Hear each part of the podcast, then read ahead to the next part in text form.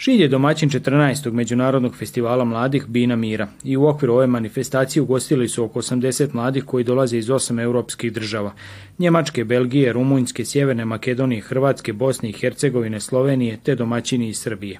I mislim da je baš važno da nekako moja generacija priča o tome e, da se i, zajedno svi i družimo i da se spajamo bez obzira koje smo kulture, vjere, nacije, boje kože i bilo čega drugog iz čitave Europe i E, mislim da se nekako tu svi nađu nešto za sebe. E, mislim da je super isto što je to na engleskom jeziku, poprilično se sve radi, tako da e, niko nije da kažemo diskriminisan ili svi mogu da sve razumiju, da rade i sve je svima nekako ono prilagođeno. Koliko je potrebno da mi danas pričamo o miru? Potrebno je mnogo više nego što pričamo i što možemo da zamislimo da pričamo o miru ne, samo ovdje na, u ovim krajevima, nego uopšte u čitavom svijetu i da ponovo ponavljamo koliko je to bitno. Bitno je, nemoguće je bitno i, što više budemo o miru pričali, to je u svakom slučaju bolje za naše nadolazeće generacije. Ja, ja se prvo presjećam što je ova Ovaj festival Bidamira Mira u Šidu od toliko gradova u Srbiji, eto mi smo dobili. Ovaj festival postoji već 14 godina i on je svake godine u drugoj državi. evo ove godine je Srbija došla na red i eto pored Čačka koji je predstavnica kulture, pored Novog Sada, Kragujevca, Beograda, eto jedan mali Šid je dobio tu priliku da bude domaćin ovako velikog festivala. Festival je ovaj, finansiran od eh, strane nemačke vlade, tako da je ovaj, mi je drago što je Tahenska mreža s nama nekako uspostavljena uspostavila prijateljske odnose. Na festivalu po četvrti put sudjeluje i teatar Tirena koji dolazi iz Zagreba. Odigrali su predstavu pod nazivom Ožiljak. Predstava Ožiljak autorica Nine Horvat govori o gubitku. Govori o tome e, kako je to izgubiti voljenu osobu i kako ta bol s vremenom prelazi u sjećanje, u sjećanje na osobu koju si volio i kad ta rana više toliko ne boli, nego postane nešto lijepo i kad si sretan da je ta osoba uopće postojala. Tijekom trajanja festivala održavaju se umjetničke radionice pisanja, plesa i izrade kazališnih kostima, a održavaju se u prostorijama manjinskih zajednica koji žive na prostoru Šida. Gledate paletu. Izbor iz emisija na jezicima nacionalnih zajednica.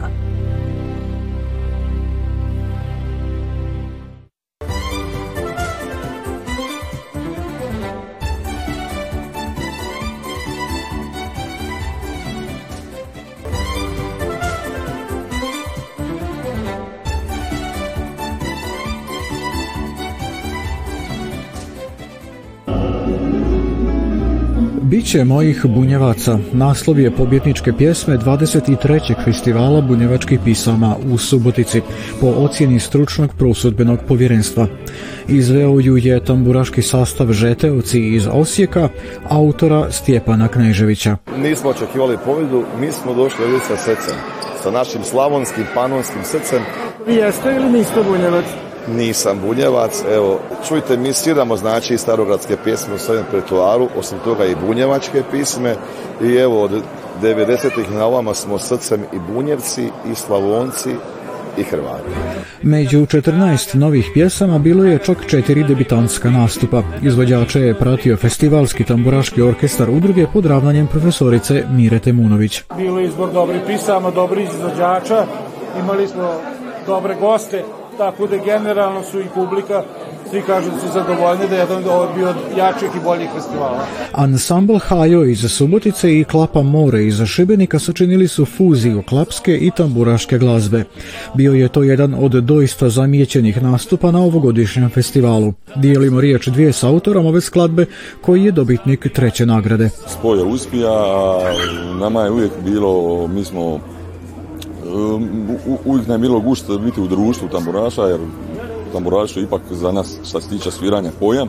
I njima su bili interesantni naši glasovi, a kapela pjevanje, pa mislim baš da je tako jedan spoj vrsnih svirača i vrsnih pjevača poželjen. Jedan od debitanata na festivalu priznao je da ga osim glazbe ne povezuje i osobna povijest sa Suboticom. Poveznice između Požeg i Bunjevačkih pisama u mom smislu je preko davnih godina preko orkestra, preko gospode Mire Temunović i nekakve suradnje njihovi orkestre dolaze u Kaptol kraj Požege na festival.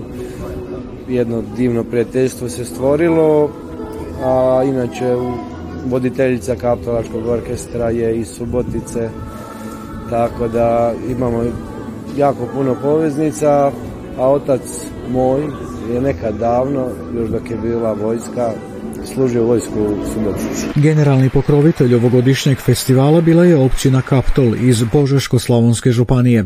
Nakon središnjega programa u Tamburaškoj kući i sjedištu festivala Bunjevački pisama svečano je otvoren Tamburaški klub. Realizacija toga projekta financirana je iz programa prekogranične suradnje i partner Hrvatske glazbene udruge bila je javna ustanova Pleternica iz Hrvatske. Gledate paletu.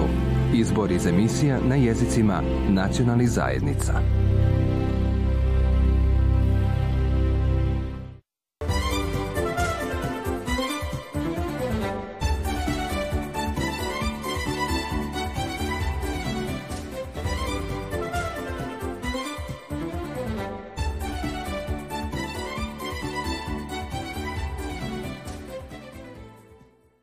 Lajčo Budanović za svećenika je zaređen 1897. godine, a prva župa koju je dobio bila je župa u Beregu u kojoj je ostao do 1919. godine. Pored toga, biskup Budanović ovdje nastavio nešto što je radio i u priješnjim mjestima gdje je službao, to je bila briga o društvenom životu našeg naroda.